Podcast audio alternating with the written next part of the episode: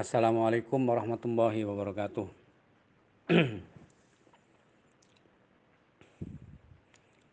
Alhamdulillah. Alhamdulillahilladzi hadana li hadza wa ma kunna linahtadiya laula an hadanallah. Asyhadu an la ilaha illallah wahdahu la syarikalah wa asyhadu anna Muhammadan abduhu wa rasuluh. اللهم صل وسلم وبارك وأنعم على هذا النبي الكريم. سيدنا ومولانا محمد وعلى آله وأصحابه والتابعين إلى يوم الدين. قال الله تعالى في القرآن الكريم أعوذ بالله من الشيطان الرجيم. بسم الله الرحمن الرحيم.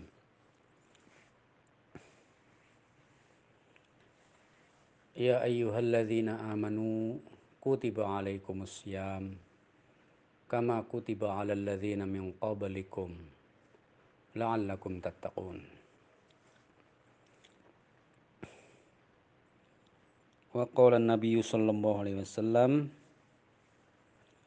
من صام رمضان إيمانا واحتسابا غفر له ما تقدم من ذنبه. Yang Bapak banggakan. Para mahasiswa HMJ sosiologi dan yang Bapak muliakan para mahasiswi HMJ sosiologi. UIN FISIP UIN Sunan Gunung Jati Bandung kita bersyukur kepada Allah Subhanahu wa taala.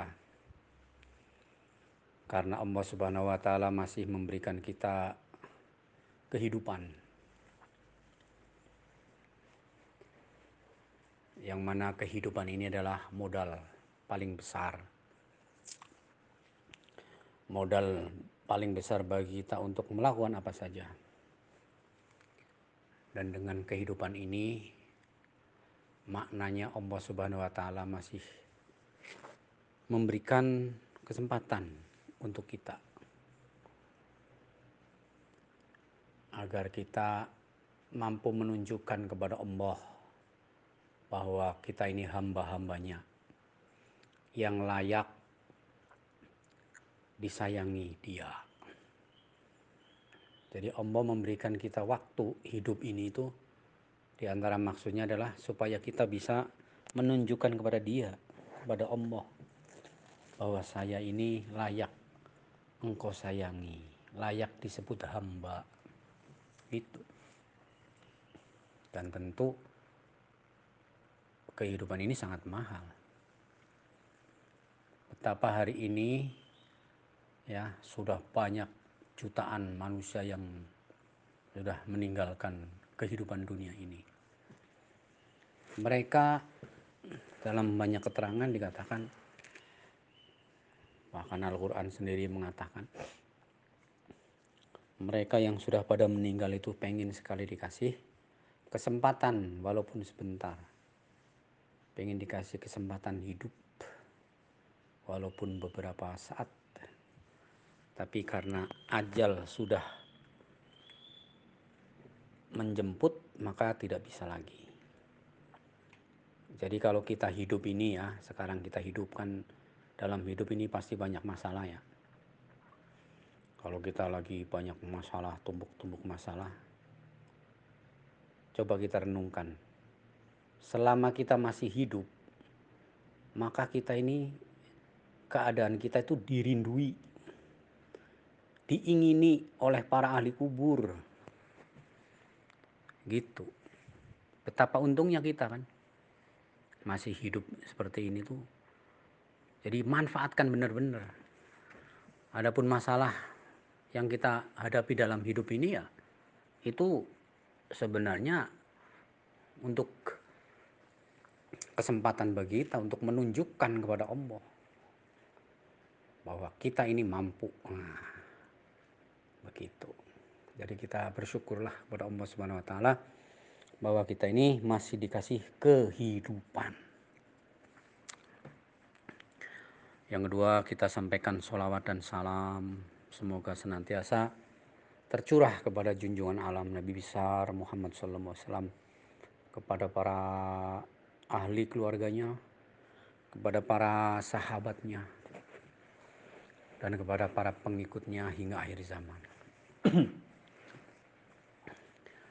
para mahasiswa HMJ Sosiologi yang Bapak banggakan dan Bapak muliakan,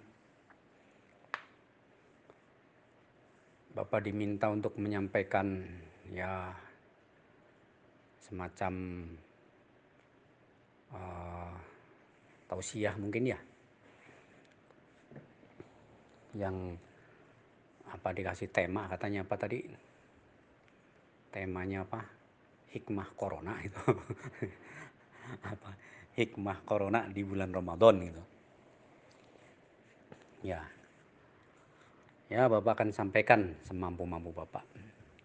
Tapi Bapak ingin kalian semua mendengarkan dengan baik apa yang akan Bapak sampaikan. Mudah-mudahan nanti mendapatkan manfaat. Ya, jangan sampai mendengarkan pembicaraan Bapak sia-sia, nggak ada makna. Maka Bapak merasa berdosa. Berarti Bapak ngomong kosong. Tidak ada manfaat, tidak ada perubahan bagi para pendengar. Karena kita hendaknya selalu menghindari pembicaraan-pembicaraan yang kosong tidak ada makna. Maka Bapak pun insya Allah akan menyampaikan materi ini mudah-mudahan bisa bermanfaat dan Bapak tentu akan menyampaikan dengan semampu-mampu Bapak. Jadi corona, hikmah corona di bulan Ramadan. Yang pertama, yang pertama ingin Bapak sampaikan adalah tentang bulan Ramadan.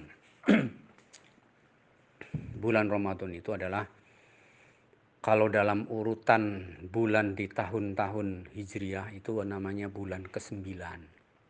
Ya kan? Bulan ke-9.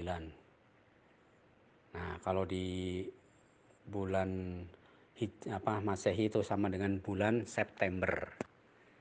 Jadi Ramadan itu bulan ke-9. Baik Hijriah maupun Masehi satu tahun itu sama-sama 12 bulan. Ini ada di dalam Al-Quran ya. Inna iddata syuhuri indallahi isna asyara syahron. Jadi bahwa hitungan bulan di dalam tahun, dalam satu tahun itu ada 12 bulan. Jadi baik bulan Hijriah maupun Masehi sama-sama 12 bulan. Hanya bedanya kalau Masehi hitungannya lewat gerakan matahari gitu. Jadi namanya solar system kan solar itu matahari. Kalau Ramadan eh kalau Mas Hijriah namanya lunar system. Dengan gerakan bulan mengelilingi bumi.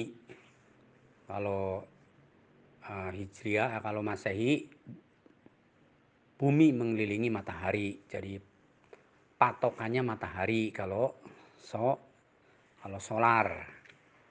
Kalau bulan atau tahun masehi itu patokannya bumi mengelilingi matahari.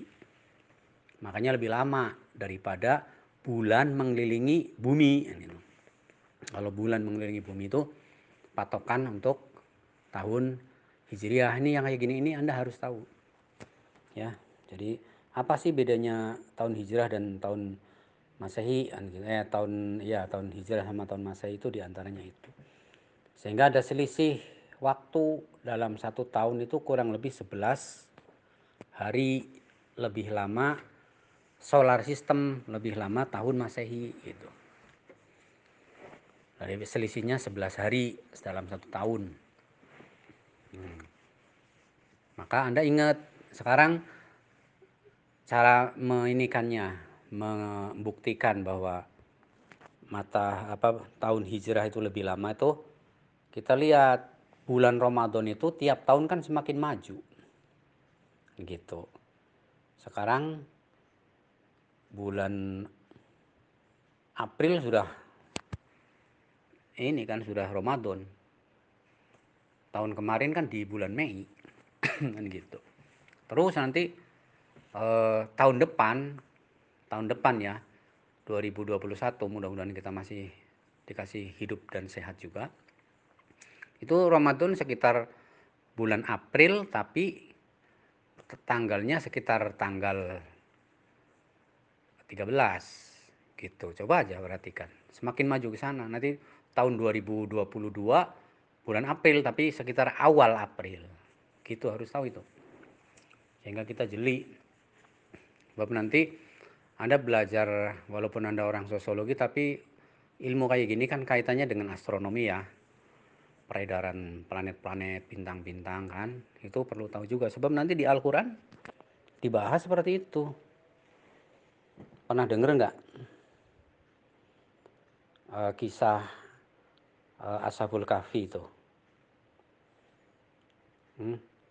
Ashabul Kahfi Ashabul Kahfi kan yang tidurnya di gua selama 300 dan 9 tahun.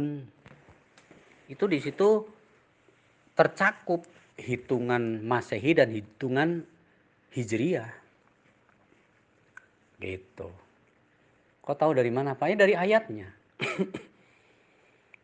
309 tahun bahasa Al-Qur'annya walabisu fi kahfihim salah sami'ah sinin wasdadu tis'a.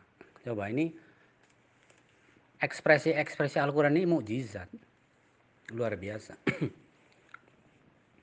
Wah ini sebentar ya ke sini dulu. Uh, supaya Anda rada luas lah wawasannya karena mahasiswa sekarang kan wawasannya harus luas ya. Wala bisu fi kahfihim salah sami sinin.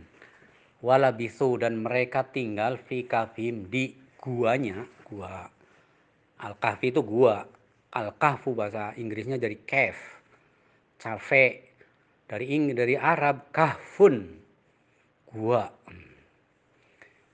Fi kafim salasa mi'ah salasa mi'ah itu berapa 300 salasa mi'ah sinin 300 tahun ya wasdadu dan lebih wasdadu tis'a dan lebih sembilan.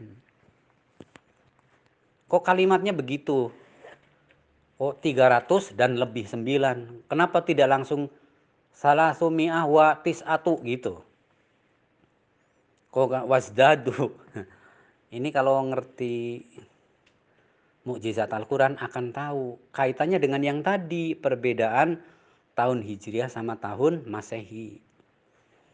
Kan tadi Bapak bilang selisih tahun Masehi dengan Hijriah itu 11 hari dalam satu tahun ya kan. Berarti kalau satu tahun selisihnya 11 hari, kalau 10 tahun berarti selisihnya berapa hari? 11 kali 10. Ya kan? 11 kali 10 berarti berapa? 110 hari jadi dalam 10 tahun ya selisih antara tahun Masehi dengan tahun Hijrah itu 110 hari. Sekarang dalam 100 tahun. Dalam 100 tahun berarti 110 kali 10. Ya kan? 110 kali 10. Berarti berapa? 1000 110 itu dalam 100 tahun ya selisihnya 1100 hari gitu bukan 1100 tahun jadi selisih tahun hijrah dan tahun masehi dalam 100 tahun itu 1110 hari 1110 hari itu kalau dihitung tahun berapa? Tiga tahun kan? Jadi dalam 100 tahun selisih tahun Masehi dengan tahun Hijriah itu ada tiga tahun selisihnya. Jadi kalau eh, 100 tahun ukuran tahun Masehi maka 103 tahun ukuran Hijriah. Paham? Nah sekarang itu dalam Al-Quran tadi kan dikatakan mereka tinggal di gua selama 300 tahun. Ya kan? Tadi yang 100 tahun kan kalau Masehi 100, kalau Hijriah 103. Itu 100 tahun. Berarti kalau 300 tahun kalau 300 tahun Masehi berarti berapa tahun ukuran Hijriah? Berapa? 309 tahun. Paham gak nih? Ini harus serius nih, harus hitung. Makanya di dalam Al-Quran dikatakan, wala fi kahfim salah su mi'ah sinin. Wasdadu tisa. Mereka tinggal di gua selama 100 tahun dan lebih 9. Berarti 309 tahun itu hitungan tahun Hijriah. Kalau tahun Masehi 300 tahun. Ngerti? Jadi Ashabul Kahfi tinggal di gua guhanya itu, di guanya gitu. 300 tahun ukuran tahun eh, ukuran tahun Masehi. 309 tahun ukuran tahun Hijriah. Makanya disebut semua dalam Al-Qur'an. Paham? Berarti baik tahun Masehi maupun tahun Hijriah sama-sama diakui oleh Islam, oleh Al-Qur'an. Paham? Ini wawasan, harus paham ini dasarnya Quran ini. Ya. Oke, kembali lagi ke bulan Ramadan. Mudah-mudahan ini ada manfaat nih ya tentang bulan Ramadan ini adalah bulan yang ke 9 ya. Anda jangan sampai nggak nggak bisa ngitung bulan dalam ini ya, bulan-bulan dalam tahun hijrahnya. Ya, Ya, jadi bulan Ramadan itu bulan ke-9. Dan bulan Ramadan ini ah bulan 9 ya, coba diingatkan lah. Kalau bulan ke-10, bulan apa namanya? Bulan Syawal, itu bulan ke-10. Bulan ke-11 bulan apa namanya? Bulan Zulqa'dah. Bulan ke-12 bulan apa namanya? Zulhijjah. Itu terakhir. Nanti bulan ke-1 namanya bulan Muharram. Bulan kedua namanya bulan Sofar. Bulan ketiga namanya bulan Robiul Awal dan seterusnya. Ini Bapak hanya ngingetin saja. Jadi bulan Ramadan ini adalah bulan ke-9. bulan Ramadan ini banyak sekali keistimewaannya. Keistimewaannya itu banyak sekali bulan Ramadan. Gitu. Walaupun semua bulan ya punya Allah, tapi setiap barang katakannya atau setiap benda itu pasti ada tingkat-tingkat ya. Tingkat-tingkat keistimewaan dari sudut-sudut tertentu. Seperti hari, hari pun sama, tapi ada yang paling istimewa, istimewa namanya hari Jum'ah, Sayyidul Ayam kan itu. Nah, sekarang bulan yang paling istimewa di antara bulan-bulan yang 12 itu adalah bulan Ramadan. Anda harus tahu jangan sekedar oh istimewa, Anda harus tahu alasannya. Oh, sudah mahasiswa mah, jangan hanya sekedar oh istimewa, ya istimewa, istimewa. Anda harus tahu kenapa bulan Ramadan itu dikatakan bulan istimewa. Mahasiswa itu dalam mengkaji sesuatu itu harus ada kritis. Kalau perlu filosofis sampai ketemu hikmahnya. Sehingga nanti kita semakin kokoh dalam beragama semakin nyaman dalam beragama, semakin uh, uh, mendapatkan uh, sesuatu dalam beragama gitu, jangan sekedar informasi-informasi aja. Ya. Kenapa dalam bulan Ramadan itu, kenapa bulan Ramadan itu dikatakan bulan yang istimewa? Ini kita pakai dasarnya ya tentu pakai dasar Al-Quran lah ya yang paling utama. Yang kedua ya hadis kan gitu. Tapi logika kita main, bukan hanya Quran saja terus logika nggak main. Enggak. Karena Al-Quran itu sangat menghargai logika. Allah itu sangat menghargai logika. Logika yang benar maka itu nilainya kebenaran. Gitu. Kenapa bulan Ramadan dikatakan istimewa? Kata siapa? Ya paling tidak kita sering dengarkan di antara penyebab keistimewaan bulan Ramadan itu karena di dalam bulan Ramadan itu banyak kejadian-kejadian penting. Jadi ada satu proses di dalam bulan Ramadan itu. Ada satu kejadian-kejadian kan proses kan. Gitu. Jadi dikatakan istimewa itu karena di dalam bulan Ramadan itu ada kejadian-kejadian penting. Seperti Anda, Anda kalau punya barang, kenapa istimewa? Biasanya kan karena barang itu pernah bersama dengan Anda ketika Anda mengalami suatu peristiwa penting. Maka barang itu akan menjadi penting. Benar nggak? Walaupun barangnya nggak ada, ya kalau dibandingkan harganya mungkin nggak ada, nggak berharga. Tapi nilai historis ini yang tidak bisa dicari tandingannya. Gitu. Kan gitu. Anda punya apalah, itu biasanya kan berharga kalau berkaitan dengan proses di situ, kejadian-kejadian. Gitu. Seperti kenapa Ka'bah itu sangat penting. Ka'bah itu, Masjidil Haram. Kenapa sangat penting? Bahkan melebihi pentingnya Masjid Nabawi. Bahkan lebih penting daripada Masjidil Aqsa. Anda harus tahu itu, jangan hanya oh itu nomor satu, iya nomor satu, selesai. Jangan, mahasiswa mah gak gitu, harus kenapa sih? Gitu tanyanya. Jadi nanti melekat dan nanti sikap kita beda. Nanti nggak? Coba, kenapa Masjidil Haram atau Ka'bah itu menjadi sangat penting? Karena di dalam di Masjidil Haram itu telah mengalami proses-proses yang sangat panjang. Proses-proses istimewa. Yang pasti dia masjid yang paling tua. Kalau paling tua kan berarti pengalamannya lebih banyak kan? Kalau pengalaman paling banyak, eh, lebih banyak berarti kan nilainya lebih banyak lagi. Coba orang yang berpengalaman dengan orang yang tidak berpengalaman. Nilainya tinggi mana? Ini berpengalaman lah. Ya, jadi itu di antaranya. Kenapa Masjidil Haram dikatakan yang paling top? Sampai sholat di sana itu, ibadah di sana, di antaranya sholat di sana itu, pahalanya sebanding dengan 100 ribu kali sholat di tempat lain. Coba bayangin. Kan itu berarti keistimewaan Masjidil Haram, Ka'bah itu. Oh, Mbak, 100 ribu kali di sini katakan kita sholat di kampung sini di Cipadung. Hah? Itu 100 ribu kali baru sama dengan di Masjidil Haram. Kenapa? Karena di Masjidil Haram itu tadi. Masjid itu atau Ka'bah itu, jadi Ka'bah itu masjid, tempat sujud gitu.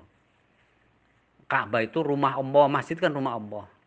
Itu adalah masjid pertama, rumah yang pertama dibangun untuk sujud kepada Allah. Dalam Al-Quran kan ada itu. Inna awwala baitin wudi alin nasi lalladzi bibakkata. Gitu. Itu ayatnya itu.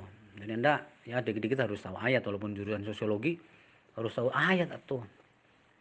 Kan makanya ada tahfiz, ada tilawah satu, tilawah dua kan supaya itu. Belum lagi ada mata kuliah kan ada tafsir sosial ada apalagi hadis sosial ada lagi ilmu ilmu macam-macamnya nyampe ke sana kamu jangan samakan jurusan sosiologi UIN dengan jurusan sosiologi UI ya. Anda harus ada lebihnya ya. Jadi walaupun anda UIN jurusan eh, walaupun anda jurusan sosiologi itu harus ada lebihnya. Kalau merasa kurang belajar lagi nanti sama bapak lah. Nggak usah dibayar juga nggak apa-apa asal kamu serius. Bapak mah bener nih. Agar kamu top pemahamannya terhadap keislaman top terhadap ilmu sosialnya top. Gitu baru nanti kamu mampu bersaing gitu dan tentu pengetahuan yang top-top itu kalau akhlaknya jelek juga nggak ada guna jadi tambah akhlak jelek bagus dan gitu jadi kenapa Masjidil Haram atau Ka'bah itu dikatakan nilainya tinggi ya karena itu ada proses waktu yang lama gitu. Ya, inna awwala baitin wudi alin nasi lalladhi bi Bakkah itu. Bakkah itu nama Mekah. Mekah itu dulu Bakkah. Jadi ba jadi ma nah, biasa kan ba ma nah, kan dalam ilmu linguistik apa dengan ilmu mahraj itu kan satu tempat keluar mahrajnya kan ba ma itu kan rubah jadi kenapa bulan Ramadan kok istimewa? Ya sama juga dengan itu. Dengan Mekah atau Ka'bah, Ka'bah itu. Karena di dalam bulan Ramadan itu ada proses-proses. yang luar biasa. Gitu. Ada kejadian-kejadian yang luar biasa. Apa kejadian yang luar biasa itu di antaranya? Ini di antaranya Bapaknya menyampaikan tiga lah ya, sebab nanti waktunya habis. Di antaranya dalam bulan Ramadan itu ada kejadian turunnya Al-Quran pada bulan Ramadan. Ya. Ya kan? Turun Al-Quran pada bulan Ramadan. Dari mana Pak tahu Pak? Itu kan ayatnya surat Al-Baqarah ya. Syahrul Ramadan alladzi unzila fihil Qur'an. Itu dari situ aja udah gampang kan. Syahrul Ramadan, bulan Ramadan. Ya. Alladzi unzila fihil Qur'an. Yang mana bulan dalam bulan itu diturunkan di dalam bulan itu Al-Qur'an. Syahrul Ramadan alladzi unzila fihil Qur'an hudal linnasi wa bayyinatin minal huda wal furqan. Faman syahida minkum syahra falyasum. Ya kan? Nah, ini yang akhirnya disuruh puasa. Nah, tapi Bapak nggak bahas masalah puasanya. Bahasa Bapak, Bapak lagi bahas tentang kenapa bulan Ramadan itu top. Karena bulan Ramadan itu di situ ada diturunkan Al-Qur'an. Proses terjadi turunnya Al-Qur'an itu di bulan Ramadan. Itu.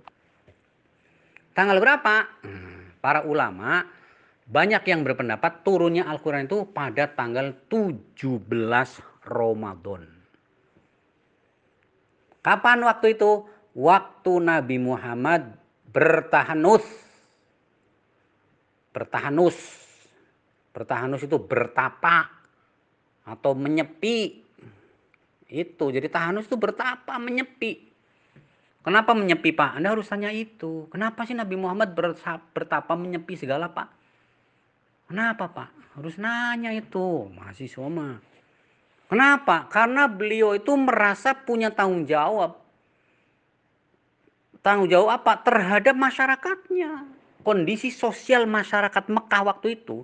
Dalam pandangan beliau ini banyak terjadi kepincangan-kepincangan penyimpangan-penyimpangan nilai-nilai kemanusiaan.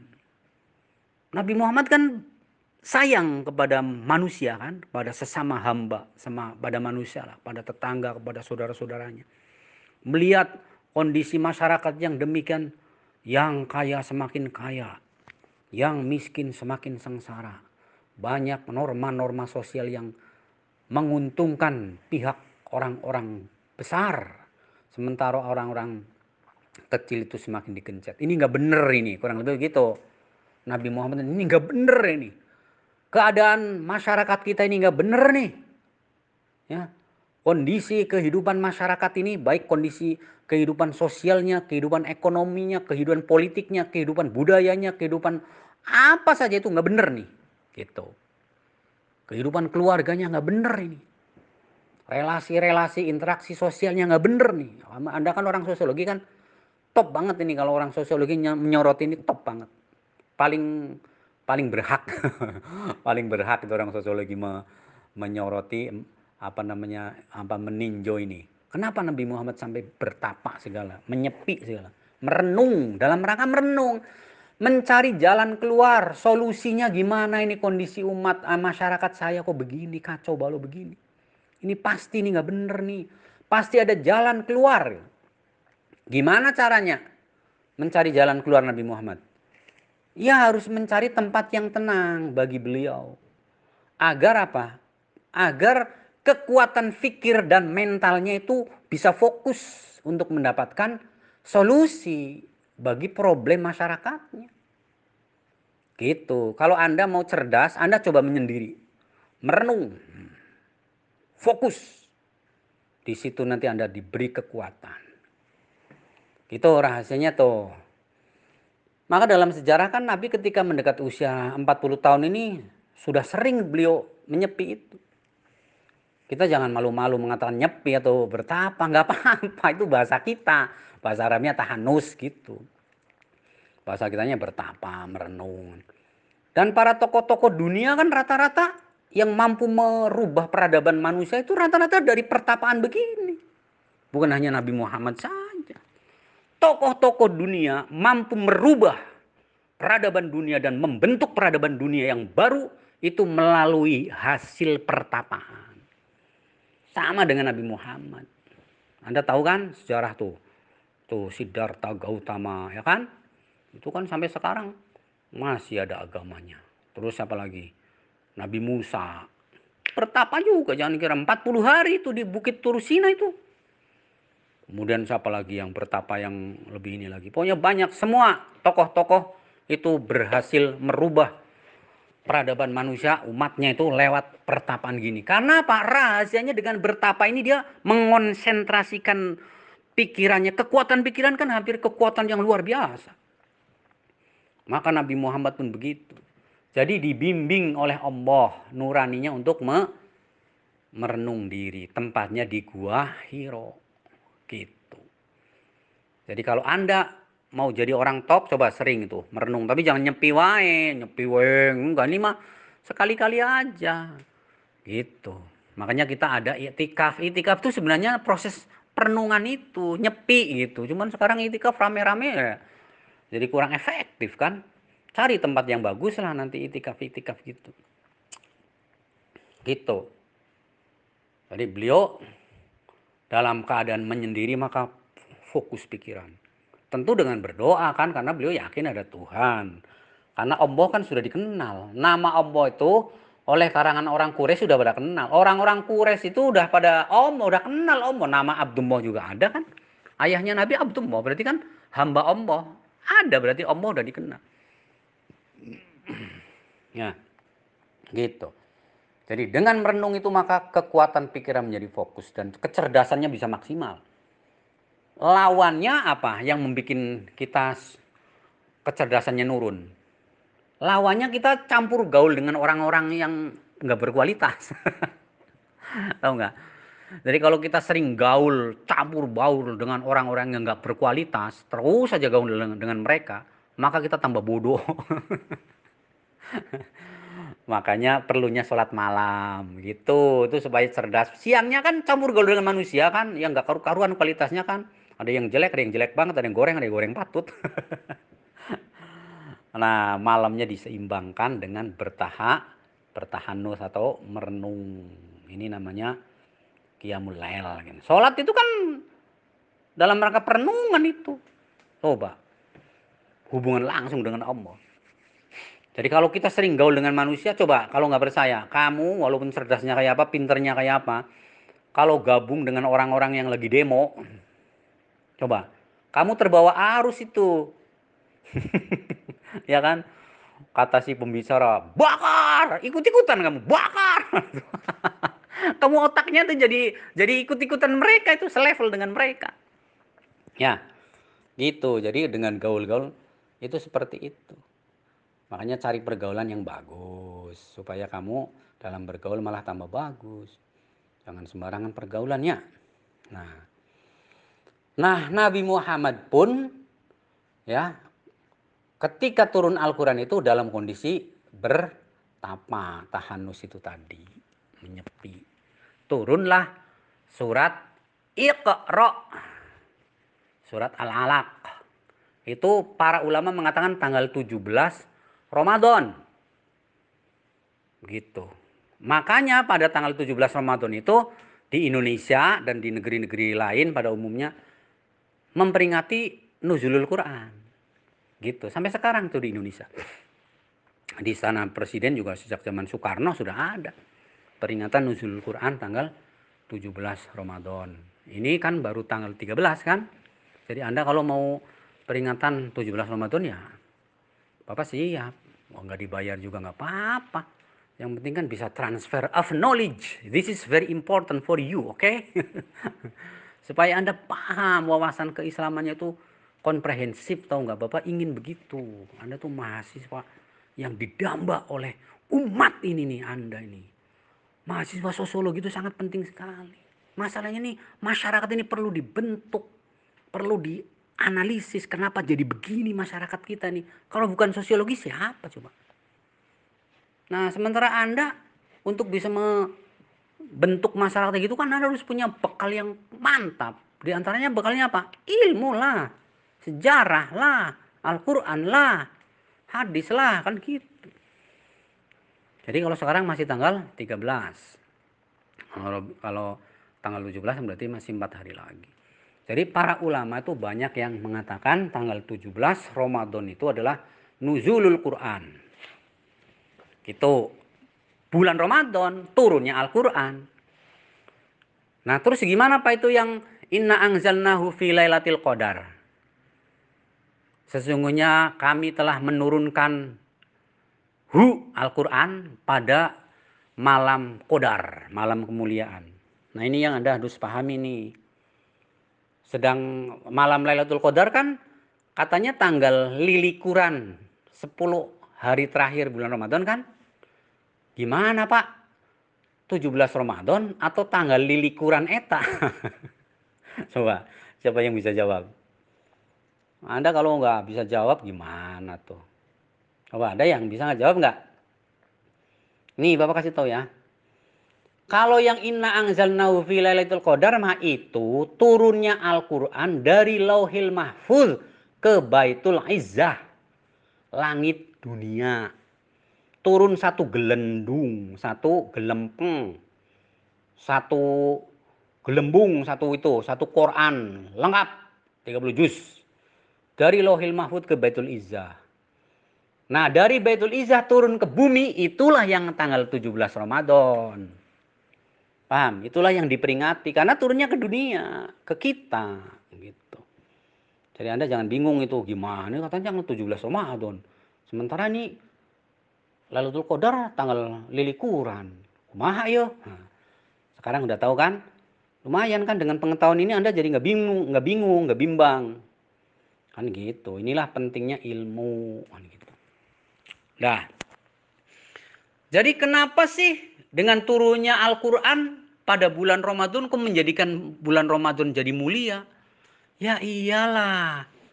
Kan Al-Quran ini mukjizat yang paling top. Al-Quran ini mukjizat paling top. Di atas segala mukjizat yang pernah ada di alam semesta dunia ini. Di dunia ini. Al-Quran.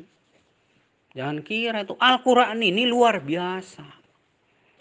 Jadi sesuatu yang sangat luar biasa turun di satu tempat, maka tempat itu jadi mulia, jadi luar biasa. Pada turunnya pada waktu tertentu, maka waktu itu jadi mulia, kan gitu.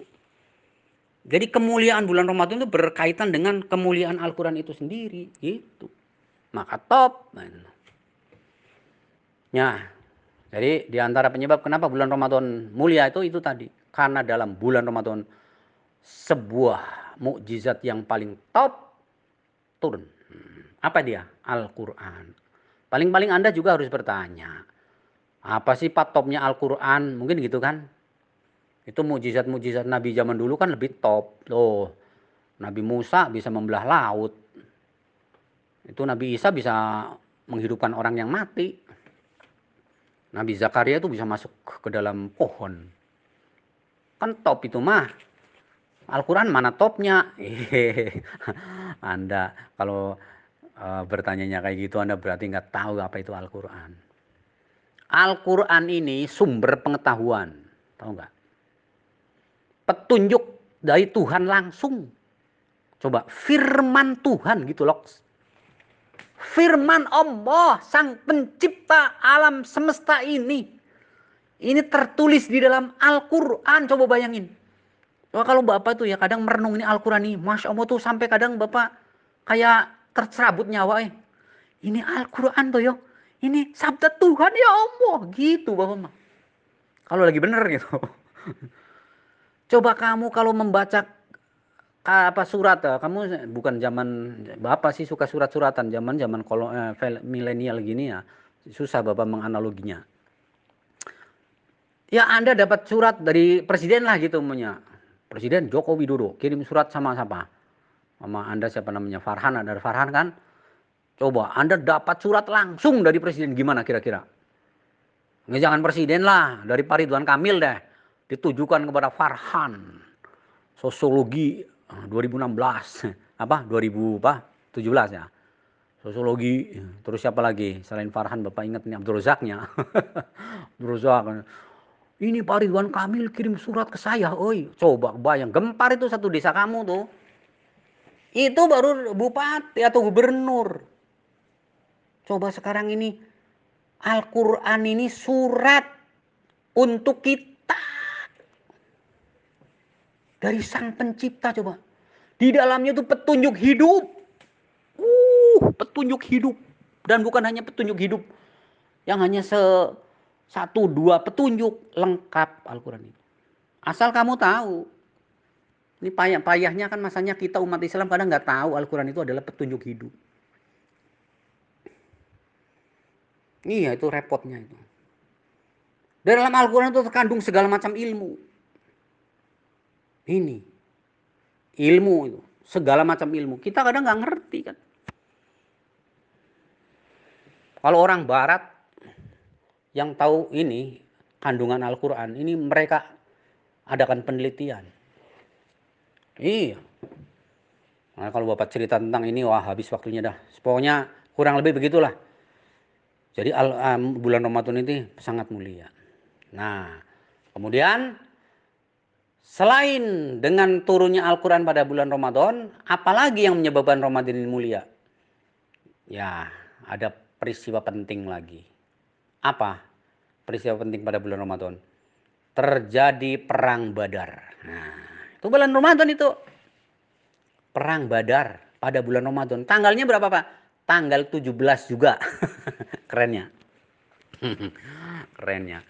Ah, memang kejadian-kejadian Nabi masuk keren gitu. Seperti gini. Nabi lahir hari Senin tanggal 12 Rabiul Awal. Nabi meninggal pun hari Senin tanggal 12 Rabiul Awal. Nabi hijrah nyampe ke Madinah pun tanggal 12 Rabiul Awal. Cuman beda tahun-tahunnya doang. Tapi tanggal dan hari serta bulannya sama. Sama dengan ini peristiwa turunnya Al-Quran tanggal 17 Rabiul Awal, eh, tanggal 17 Ramadan. Terus terjadi perang Badar, perang pertama yang besar gitu loh. Yang menentukan nasib umat Islam ke depannya. Perang yang sangat-sangat menentukan. Yang sampai Nabi berdoa kan, ya Allah, pada malamnya tuh, malam-malam yang paginya akan terjadi perang, Nabi berdoa, ya Allah, ini umat pasukan saya ini kurang lebih gitu ya kalimatnya Bapak nggak hafal, tapi Bapak maknanya ngerti lah. Berdoa ya Allah, ini pasukan Islam ini jumlahnya sepersekian dari pasukan musuh. Sekiranya pasukan Islam kalah besok hari, maka engkau tidak akan ada yang menyembah lagi. Gitu kurang lebih begitu ya ya kan? Jadi benar-benar menentukan ini. Nasib yang sangat menentukan.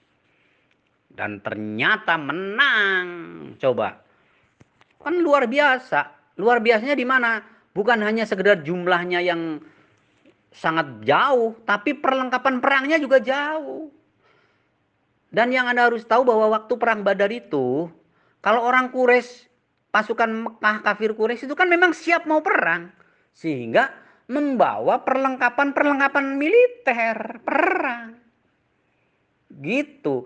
Kalau orang Islam pasukan Nabi Muhammad itu itu nggak niat perang. Awal awalnya itu nggak niat perang.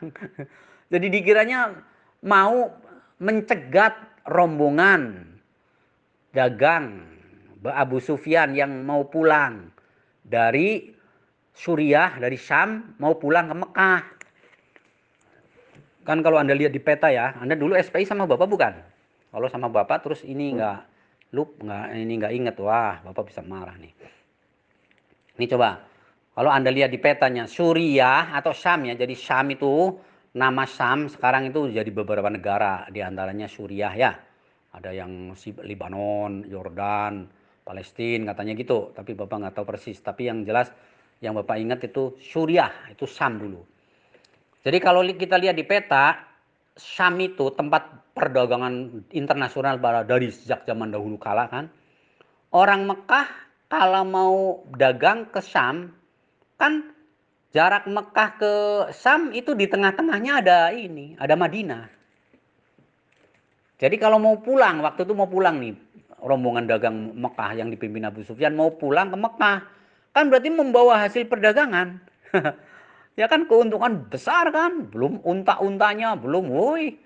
Nah ini kan diketahui oleh Nabi. Wah ini ada pasukan rombongan kafilah kalau dulu sebutnya. Kafilah Mekah nih membawa harta milik orang Mekah mau pulang dari Syam.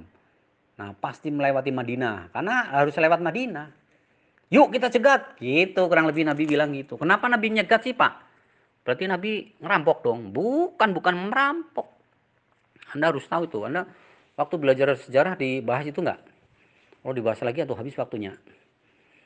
Pokoknya pasukan Nabi Muhammad pada perang Badar itu niat awalnya mau mencegat kafilah. Kan nggak perlu bawa perlengkapan perang yang lengkap kan? Ya sekedar mencegat kafilah dagang itu paling berapa? Pasukannya juga berapa? Eh ternyata pas di tengah jalan, terus sudah nyampe di tempat itu, dialihkan berdasarkan wahyu Allah kan. Ada ayatnya. Lalu dijelasin nanti habis waktunya pulanya ternyata disuruh harus menghadapi pasukan Mekah yang lengkap atau mental atau diuji. Tapi kan keimanan lebih kuat, akhirnya terjadilah perang. Maka menang, saudara. Maka ini peristiwa ini terjadi pada bulan Ramadan. Maka bulan Ramadan jadi keren banget. Gitu, sangat sangat berharga. Kemudian apa lagi yang menyebabkan bulan Ramadan itu keren? Apa? takluknya Mekah. Fathu Mekah itu namanya. Dalam sejarah SPI dulu kan. Fathu Mekah pun, Mekah kan dulu Nabi Muhammad orang Mekah. Terus Nabi Muhammad diusir ya kan. Orang-orang Islam disiksa segala macam. Sampai orang-orang Islam hanya pindah ke Madinah. Dengan membawa badannya sendiri saja. Tanpa membawa harta kekayaan. Ditinggal di Mekah semuanya kan. Nah terus setelah Nabi Muhammad pergi hijrah ke Madinah sekitar 8 tahun kemudian Nabi Muhammad datang menguasai Mekah. 8 tahun karena terjadi tahun berapa? Coba Anda ingat nggak? Pokoknya tahun 8 Hijrah lah. Kalau tahun 8 Hijrah itu tahun Masehinya sekitar 630. Ya kan? Kan dua tahun kemudian Nabi Muhammad meninggal kan? Nah, gitu. Jadi Mekah kota yang sangat dicintai Nabi dan para sahabat muhajirin itu kan Mekah itu tanah air kan. Ini yang konsep di kita jadi hubul waton minal iman itu dari situ di antara sejarahnya. Dikiranya orang muhajirin Mekah yang pindah ke Madinah itu pindahnya kayak kita mau pindah rumah. Anda mungkin membayangkan begitu ya. Hijrah dari Mekah ke Madinah. Seperti kita mau pergi, mau pindah rumah. Ada orang Bandung mau pindah rumah ke Cianjur umumnya. Kan kalau pindah rumah macam gitu mah apa aja dibawa kan. Dari mulai coet, katel, sampai sendal-sendal butut di bawah. Beda sekali. Hijrahnya orang-orang Mekah ke Madinah itu kadang nggak bawa apa-apa, cuman pakaian yang melekat. Sementara perjalanan Mekah Madinah, jarak Mekah Madinah itu nggak kurang dari 350 km. Dengan medan perjalanan yang demikian panas, terik, gersang. Kalau Anda pernah ke sana, melihat yang namanya gunung-gunung. Memang Mekah, Mekah itu memang banyak gunung-gunung, Madinah banyak gunung-gunung, tapi jangan disamakan dengan gunung di kita. Di kita kan Gunung Manglayang tuh, indah sekali kan tempat Bapak tinggal di situ. Pohon-pohonan hijau kan. Kalau di Mekah, di, di tanah Arab tuh banyak gunung memang, tapi gunungnya gunung batu, hitam, panas, kelam, terik. Wah, ngeri sekali. Coba bayangin. Perjalanan hijrah seperti itu. Ya. Maka mereka meninggalkan Mekah dalam keadaan hati yang remuk meninggalkan tanah airnya sendiri. Maka tentu mereka ingin menguasai lagi, ingin balik lagi. Dan ternyata berhasil. Delapan tahun kemudian Mekah ditaklukkan lagi. Ditaklukkan oleh Nabi Muhammad SAW dan para sahabat. Maka ini besar sekali, ini kejadian besar. Terjadi pada bulan Ramadan. Tanggalnya menurut riwayat tuh banyak yang mengatakan tanggal 10 Ramadan. Paham? Ini kenapa Ramadan itu besar? Tuh sampai di sini dulu lah. Tentang kenapa bulan Ramadan ini menjadi bulan yang sangat agung. Karena di situ banyak kisah-kisah. Sekarang apa kaitannya dengan corona Pak? Cerita-cerita gitu Pak? Nah ini baru kita cerita tentang corona. Kalau corona kan wabah ya kan? Wabah. Wabah kan penyakit yang menular cepat sekali itu namanya wabah. Bahkan menjadi menularnya sampai seluruh dunia. Ya kan, sampai sekarang itu katanya udah ratusan, hampir seluruh negara ya.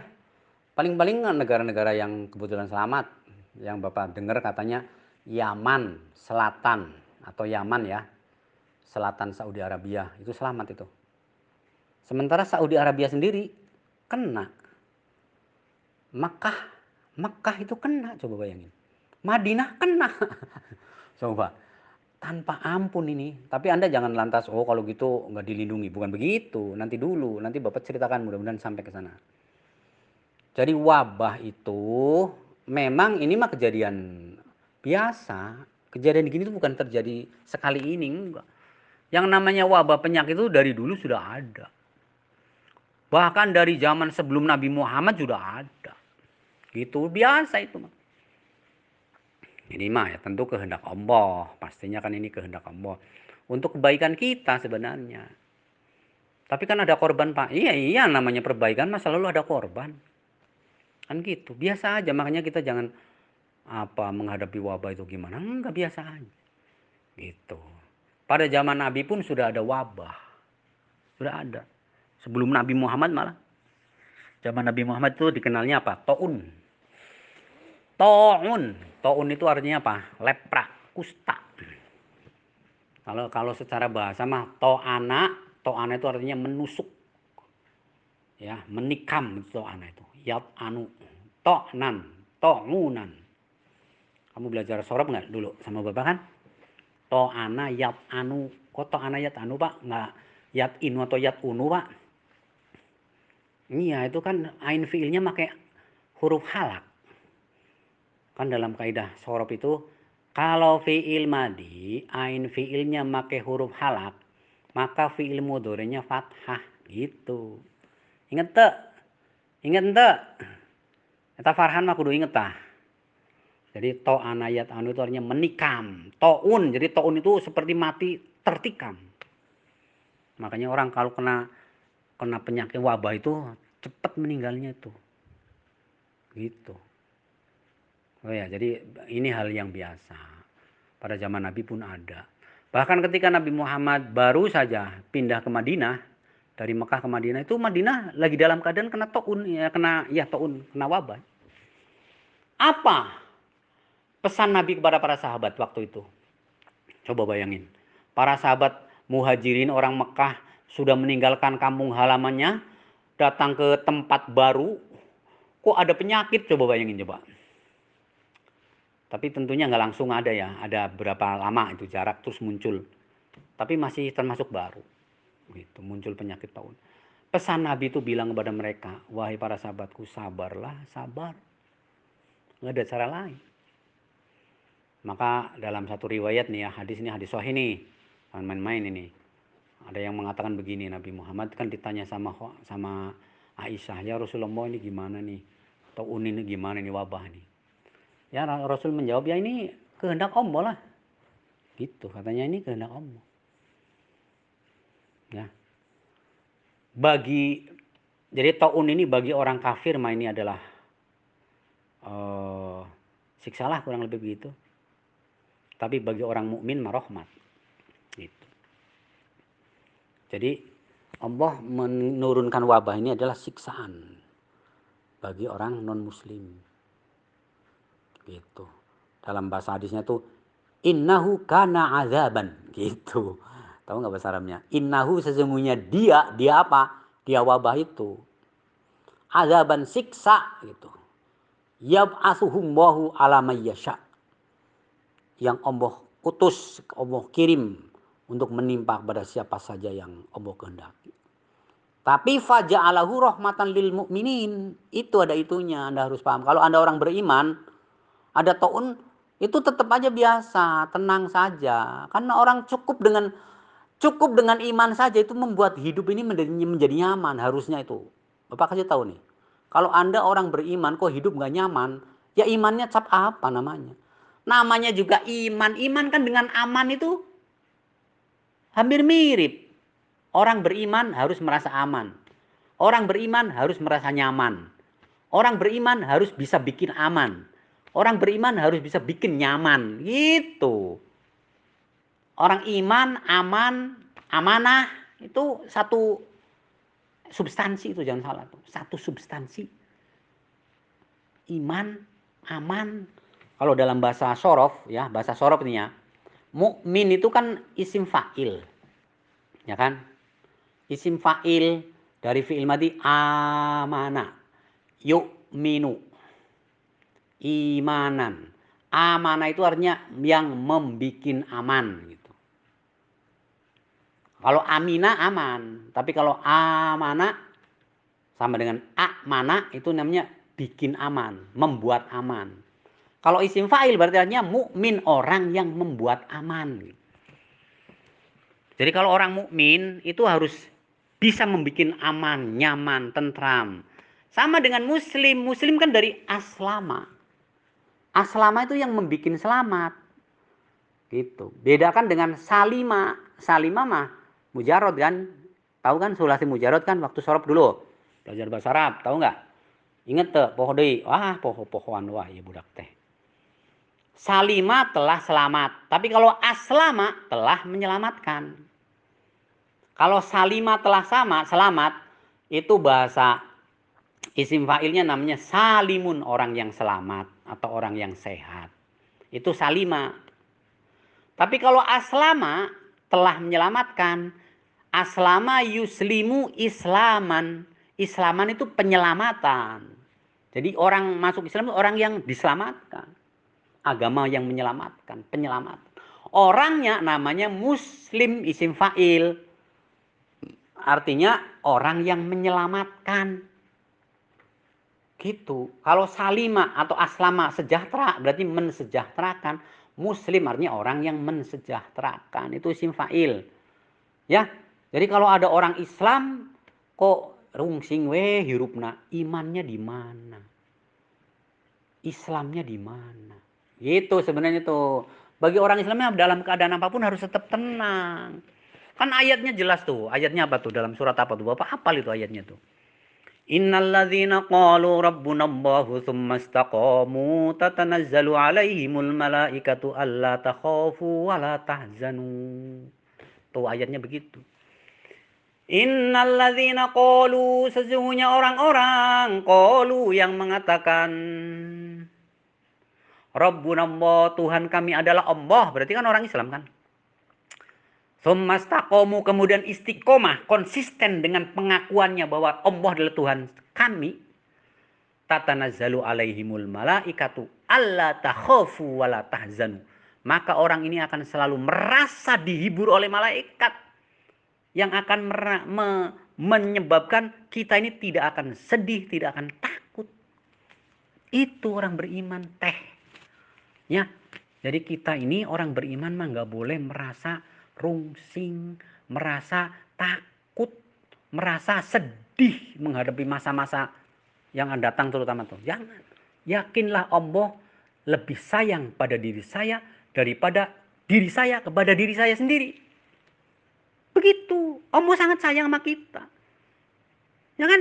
Ayatnya jelas. Inna boha apa? Hofurun rahimun. Rahim itu apa artinya? Apalagi kalau bismillah. Bismillahirrahmanirrahim. Coba. Jadi orang Islam itu nggak boleh sedih. Orang Islam yang penting pikirkan jangan berbuat dosa itu aja, terutama dosa-dosa besar.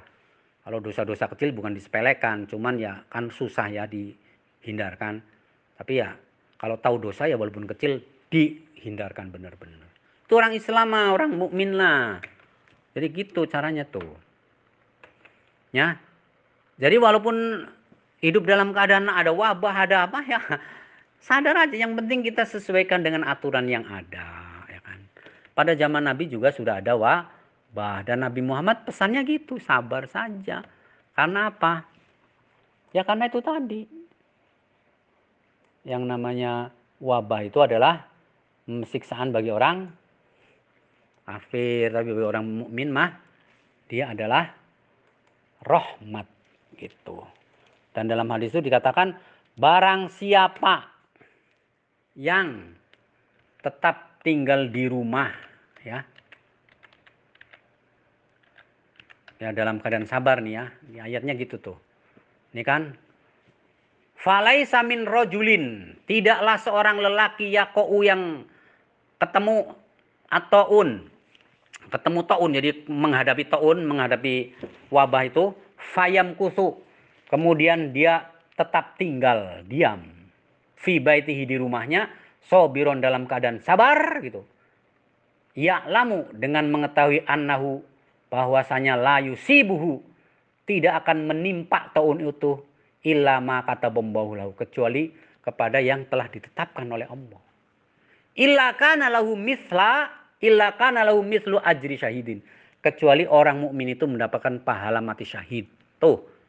Gitu. Jadi kita dalam keadaan tahun seperti ini ya kena wabah COVID-19, COVID-19. Ya. Kita harus sabar dalam keadaan tenang. Jangan keluar-keluar di rumah, mengerjakan tugas-tugas di rumah kalau ada apa-apa gimana ya atur-atur aja supaya aman. Karena kalau kita sabar tetap di rumah, maka pahalanya apa? Pahalanya adalah lahu mislu ajri syahidin. Lahu mislu ajri syahidin. Mempunyai pahala seperti pahalanya orang mati syahid. Walaupun kita nggak mati. Paham nggak? Kalau kita mati benernya syahid lah. Jangan salah itu. Orang yang mati karena taun, karena wabah ini, COVID-19 yang saat ini, asal dia ikhlas lah tentunya ya. Mudah-mudahan para korban yang ini ikhlas lah mau gimana lagi kan harus ikhlas. Mudah-mudahan mereka mendapatkan mati syahid semuanya. Ya kan? Di mana pun berada, terutama ya. Ya tentu orang Islam ya kan. Kan tadi syaratnya itu mukmin kan, rahmat. Gitu. Jadi walaupun kita tidak mati, tapi kita sabar dengan menghadapi ini, kita dapat pahala mati syahid. Coba keren kan? Gitu. Jadi itu cara Nabi memberikan arahan kepada umatnya tatkala wabah ini menular apa mewabah ya wabah ini terjadi dan banyak itu hadis-hadis bukan hanya ini ada lagi yang mengatakan kalau terjadi wabah, Anda ada di luar tempat itu, maka Anda jangan masuk ke tempat itu. Gitu. Tapi kalau di wabah itu terjadi, Anda ada dalam daerah wabah yang menular, Anda jangan keluar dari tempat itu.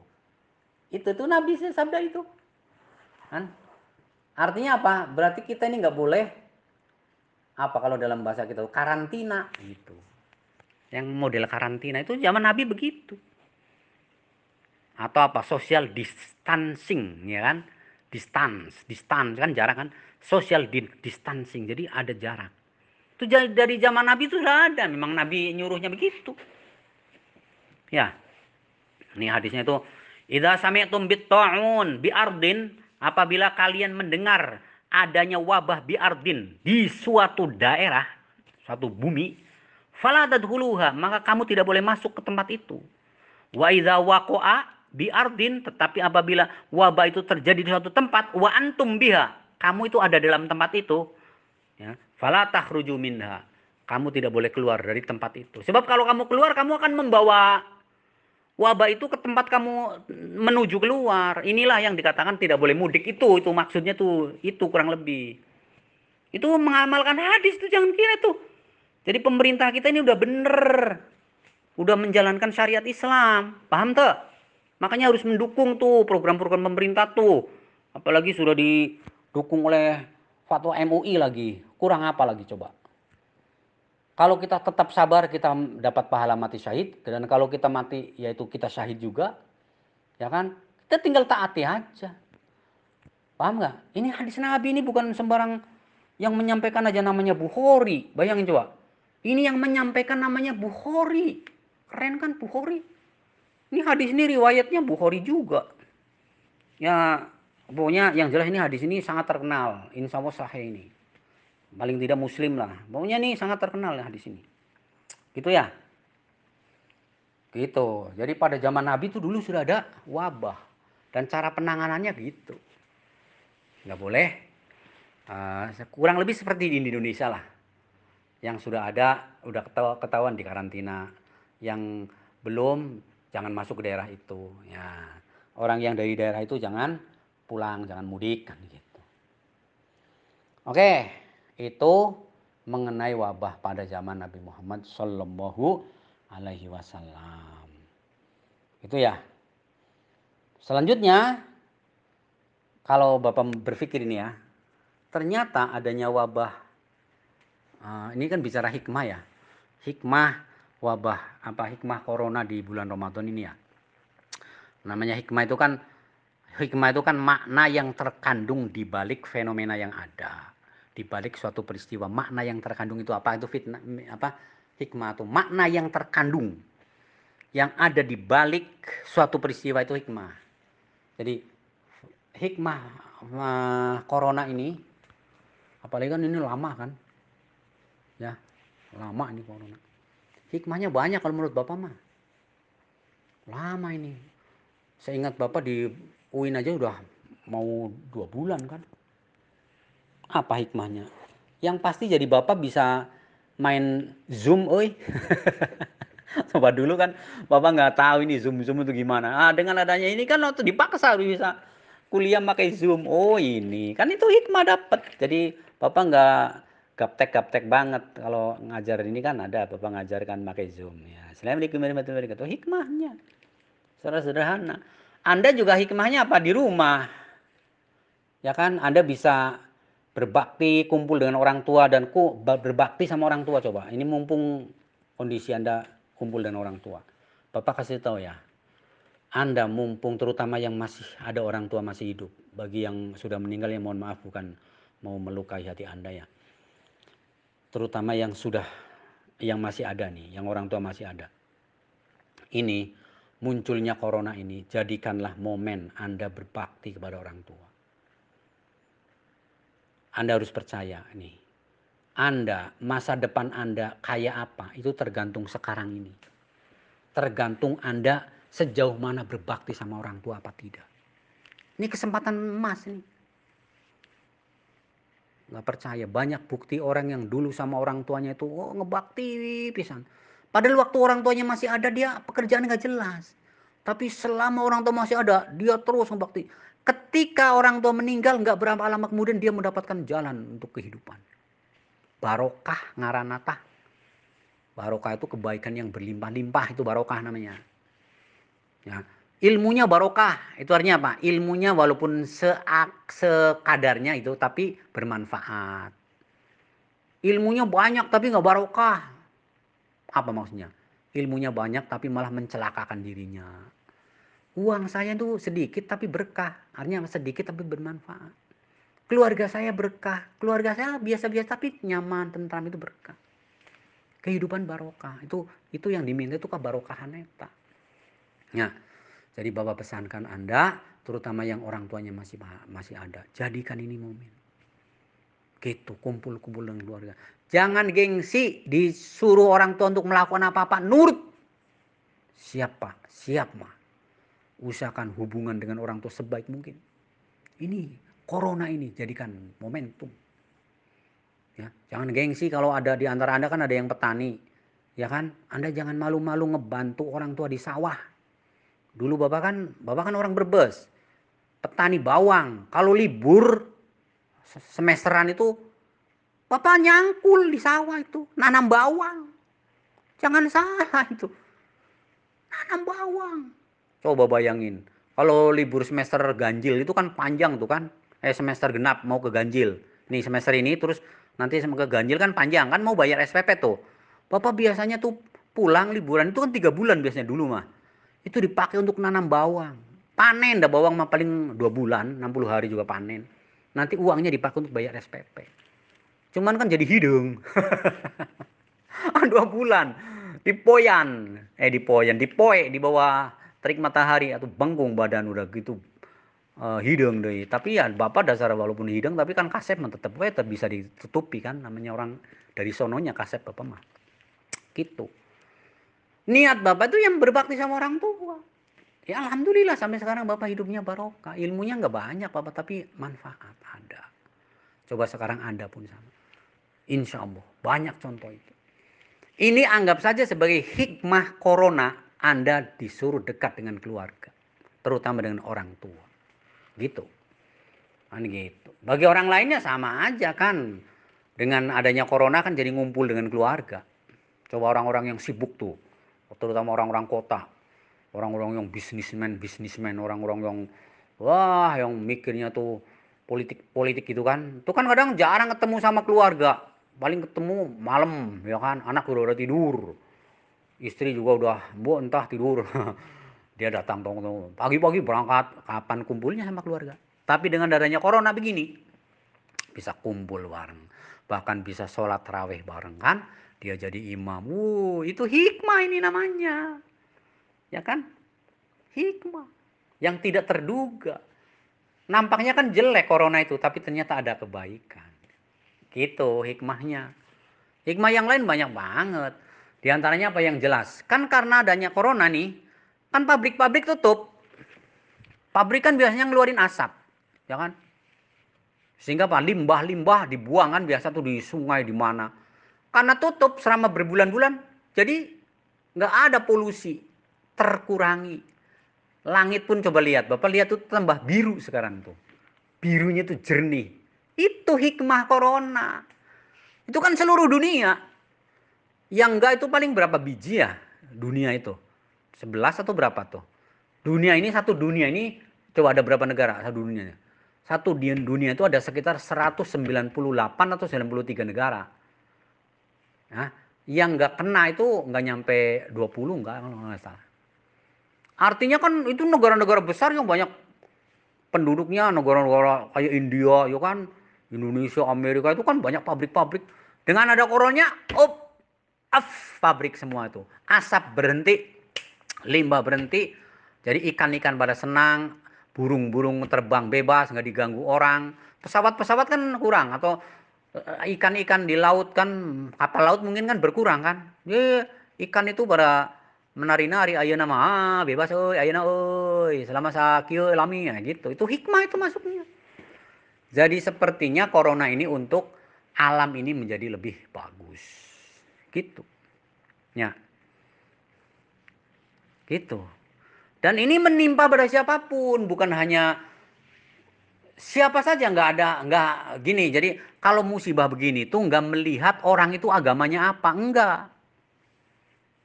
Jadi musibah ini akan menimpa pada siapa pun. Nggak ada urusan dengan agama. Ngerti nggak? Contohnya punya tsunami punya. Tsunami, banjir, kena weh siapa pun. Nggak masjid, nggak apa. Kalau maunya, tapi itu Pak, waktu di tsunami di Aceh, itu masjid Baitur Rahman kok aman-aman aja. Itu coba lihat. Dilihat secara ilmiah aja, jangan semata-mata keajaiban-keajaiban gitu mahasiswa mah. Walaupun kita berarti bukan bukan berarti nggak percaya sama keajaiban gitu, tapi kita coba, kita kan orang intelek kan, kok sampai enggak? Ini pasti ada sebab-sebab yang rasional dunia ini kan tetap hukumnya hukum yang dipakai hukum alam, hukumnya sunatullah istilahnya, hukum sebab akibat. Gitu, hukum sebab akibat itu contohnya apa? Kamu kalau nggak minum haus. Itu hukuman sebab akibat, nggak makan lapar gitu. Kamu kalau kena api panas kan gitu. Jadi kenapa ada apa apa namanya itu eh, masjid di waktu di Garut itu juga ada kan? Ada masjid pinggir sungai tapi nggak nggak terbawa oleh rob oleh oleh banjir itu. Itu lihat itu. Itu pasti ada sebab yang secara logika diterima gitu yang jelas dalam Al-Quran jelas-jelas mengatakan kalau terjadi musibah bencana maka akan menimpa tidak pilih-pilih itu dalam surat apa itu Bapak pernah hafal itu surat Al-Anfal kalau nggak salah wattaqu fitnatal la zalamu minkum khosoh. Itu kata khosoh ini kata kuncinya. Ngerti enggak? Wattaqu fitnatal la tusibannal ladzina zalamu minkum khosoh. Ini artinya kurang lebih khawatir hati-hatilah wahai orang-orang beriman terhadap musibah. Fitnah itu ujian kan artinya terhadap ujian, musibah, malapetaka apa saja yang tidak akan menemui hanya orang-orang yang zolim saja. Enggak. Kamu juga kena, orang-orang beriman pun kena. Itu maksudnya tuh. Jadi wabah-wabah gini juga mengenai oleh siapa pun, orang ahli masjid, orang ahli zikir. Kalau memang kena ya kena we. Cuman di mata Allah beda. Kalau orang kafir kena itu azab. Kalau orang beriman itu rahmat gitu aja. Itu masalahnya. Kok kenapa beda Pak orang beriman? Ya iyalah orang beriman kan tadi juga Bapak katakan. Kalau orang beriman ditimpa apa pun selalu enak. Selalu nyaman. Itu kan gitu kuncinya. Ada iman Cukup dengan iman itu membuat kita nyaman gitu dalam keadaan apa pun. Harusnya begitu. Jadi kalau kita bisa ngukur dirinya, kalau kita ngukur diri, kenapa saya jadi orang beriman tapi kok nggak merasakan enak hidupnya? Ah iman kamu nih. Jangan-jangan imannya cap kampak atau imannya harus kampak. kan gitu. Cukup dengan iman. Kan ayat hadis nih, Bapak masih ingat ini hadis riwayat Muslim kalau nggak salah. Nih. Nabi Muhammad sampai heran kepada orang beriman itu kalimatnya pakai ajaban. Ajaban itu ajib begitu. Nabi Muhammad aja ajib, heran kepada orang beriman itu. Kalimatnya ajaban li amril mukmin gitu. Heran saya mah kepada urusan orang beriman. Kenapa ya Rasul? Katanya itu apa? Jadi berlupa lagi eh. Pokoknya gini, ajaban li amril mukmin. Inna amrohu kullahu lahu khair gitu. Inna amrohu kullahu lahu khair. Urusan orang mukmin itu semuanya baik bagi dia. Gitu. Walaysa dzalika walaysa dzaka li ahadin illa lil mu'min. Kejadian yang selalu baik kayak gitu tuh nggak mungkin kecuali hanya bagi orang beriman saja. Jadi orang beriman itu ketemu apa saja, ditimba apa saja selalu baik. Dan itu tidak mungkin terjadi selalu baik itu kecuali hanya kepada orang beriman. In asobat husarro'u syakaro. Apabila dia ditimpa sesuatu yang menyenangkan, dia bersyukur. Wa in hu dorro'u sobaro. Dan apabila dia ditimpa sesuatu yang menyusahkan, menyedihkan, dia sobar. Wadhalika khairun lahu. Gitu. Jadi sabar ya jadi fakana khairun lahu, sobar fakana khairun lahu. Jadi kalau kena musibah dia sabar baik bagi dia. Kalau kena apa keuntungan dia bersyukur fakana khairun lahu baik bagi dia. Jadi bagi orang mukmin itu hidup dalam keadaan corona, hidup dalam keadaan sukses, hidup dalam keadaan apa saja selalu baik wahai para mahasiswa. Halo? Halo? Halo? Jadi kita ini jangan sampai merasa rungsing dengan kejadian apa pun termasuk kejadian corona. Yang penting iman kita ini harus sadar. Harus kuat iman kita. Iman yang bagaimana Pak? Iman yang itu tadi. Allah itu sangat sayang kepada kita. Lebih sayang kita sendiri kepada diri kita. Gitu. Anda tahu nggak? Anda lahir ke dunia itu maunya siapa coba? Maunya orang tua Anda? Tidak. Maunya pemerintah? Tidak. Anda lahir ke dunia itu kemauan Allah. Kehendak Allah. Yang melahirkan Anda ke dunia itu Allah. Bukan maunya orang tua. Coba tanya sama orang tua kamu. Buah-buah, bahwa mama sama bapak tuh niat nata cocokan. Eh jadi. ya, bener gak? Jadi bukan kemauan orang tua. Dan kalau kemauan orang tua pasti bentuknya nggak kayak kamu, tampangnya nggak jelas kan gitu. Pasti kalau kemauan orang tua kan maunya yang ya minimal ya mirip-mirip Pak Bukhari gitu lah. kan gitu kan. Tapi nyatanya pan tampang kamu gitu-gitu amat ya. Berarti bukan maunya orang tua atau maunya pemerintah? Enggak. Anda ini harus yakini benar. Saya lahir ke dunia itu Allah yang mau. Berarti Allah akan memberikan apa untuk kehidupan kita ini. Kita tinggal ngejar aja. Selama dikasih kesempatan hidup, ini tunjukkan saya mampu ya Allah. Allah tuh ngelihatnya proses. Itu. Paham gak? Ini ya. Jadi kita jangan rungsing apa sajalah. Bukan hanya corona, saya kira apa saja kehidupan apa pun. Yang penting kita taat kepada Allah sesuai prosedur-prosedur kehidupan yang ada dalam uh, norma-norma sosial, norma-norma pemerintahan, aturan-aturan yang ada dalam agama segala macam. Sudah ilmu Anda tingkatkan, akhlak Anda jaga yang bagus.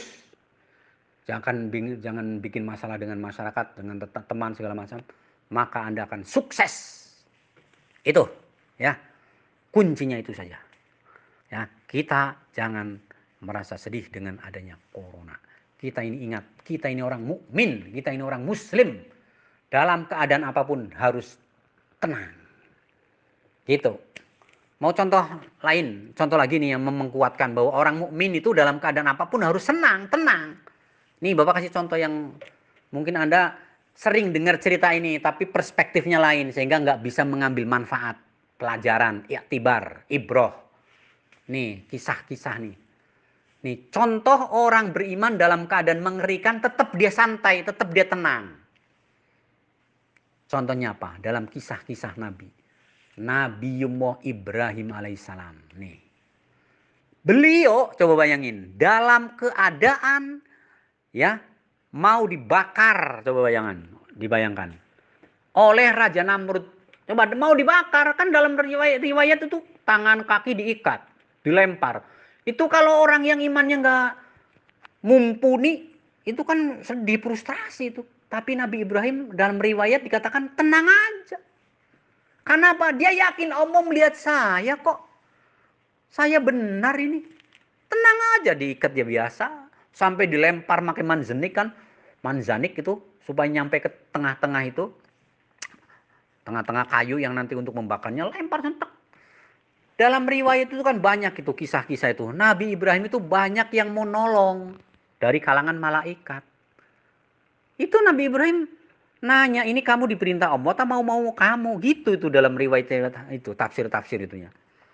Wahai malaikat kamu mau nolong saya itu karena mau kamu atau karena perintah Allah? Wah, kata malaikat saya ya ngelihat aja kasihan sama kamu. Apa jawaban Nabi Ibrahim?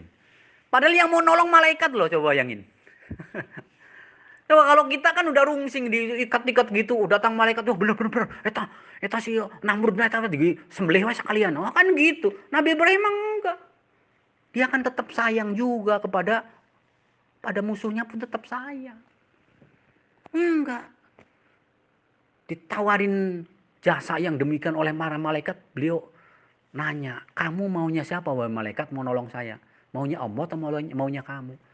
Kalau maunya kamu, sorry lah. Enggak, biarin nanti. Saya akan nunggu pertolongan Allah. Gitu. Tenang aja dalam keadaan rungsing begitu coba. Itu orang beriman, sejati ning iman teh gitu. Paham gak? Sampai hanya kan turun perintah Allah yang di luar dugaan. Apa perintah Allah? Kalimatnya. Ya narukuni bardawa salaman ala Ibrahim. Api kan nurut sama Allah yang punya Api dengan panas kan bisa dipisahkan oleh Allah. Apinya ada tapi panasnya hilang. Ada. Kata Allah, ya narukuni, ya naru wahai api, kuni, jadilah engkau. Jadi api itu dalam bahasa Arab dianggapnya perempuan. Ya, jadi perempuan itu suka membakar. Ngerti nggak? Ini ternyata ada di Qur'annya. Oh, kok kuni pak? Berarti perempuan ya? Kalau laki-laki kan kun. Kalau perempuan kan kuni. Oh berarti api perempuannya. Iya makanya kamu hati-hati. Jangan main perempuan. Kamu bisa kebakar loh perkebakar imannya, kebakaran pikirannya, kebakaran uangnya tuh. Uang sakit itu-kitunya dari orang tua main perempuan. Habis dah, akhirnya kamu nipu. SMS ke bapak, pak kirim dari pak Artos. Seur kegiatan ekstrakurikuler, bohong kamu. Padahal kamu kebakar sama awe, we. Hati-hati tuh. Paham nggak? Tuh, kok nyampe ke situnya. Ini dari kalimat aja kun. Kalau laki-laki kan kun, kun fayakun itu berarti ke laki-laki tuh. Kalau perempuan kuni. Jadilah kamu kuni bar dan wasalaman ala Ibrahim. Jadilah kamu yang dingin. Tapi bukan hanya dingin, ada wasalaman dan menyelamatkan. Sebab kalau nggak ada wasalaman, dingin Nabi Ibrahim bisa kedinginan. Beku itu bisa itu. Di tengah kobaran api bisa beku itu. Tapi Allah kan maha tahu. Dingin tapi yang menyelamatkan, yang menyamankan. Ya. Tuh, kondisi orang beriman dalam keadaan lagi mau disiksa oleh negara itu yang menyiksa itu. Aman, damai, tentram. Itu Nabi Ibrahim. Dan Nabi Muhammad juga sama. Coba, Nabi Muhammad dalam keadaan coba. Waktu kisah Nabi Muhammad dakwah ke Taif, bayangin coba. Ya, Dilemparin batu sampai berdarah-darah kaki beliau tuh berlumuran darah. Pas dalam keadaan beliau ini kecapean dikejar-kejar kan sama anak-anak kecil sama orang-orang gelo tuh kan disuruh sama pemimpin Taif itu. Nabi Muhammad kan ceritanya dakwah ke Taif karena di Mekah kan gak ada harapan itu. Setelah setelah pamannya dan istrinya meninggal kan Nabi Muhammad di Mekah nggak ada pendamping asalnya gitu, nggak ada tempat apalah berlindung asalnya gitu secara manusiawi. Sehingga Nabi Muhammad berpikir saya kayaknya harus dakwah di Taif lah. Mudah-mudahan di sana jadi pusat dakwah karena kondisinya kan dingin Taif itu. Jaraknya Taif Mekah Taif itu sekitar 70 kilo. Jalan kaki Nabi Muhammad tuh 70 kilo coba bayangin. Pas nyampe ke sana Nabi Muhammad kan nawarkan masuk Islam kan para pemimpinnya. Ternyata pemimpinnya apa? di luar dugaan, menolak Nabi Muhammad, malah menganggap Nabi Muhammad itu gelo. Akhirnya para pemimpinnya tuh nyuruh anak-anak muda, anak-anak kecil suruh, "Ta, ta budak gelo ta, jelma gelo ta, ta, ta tuh di balai kan itu. Aduh kebayang saya kalau membayangkan itu Masya Allah sedih sekali.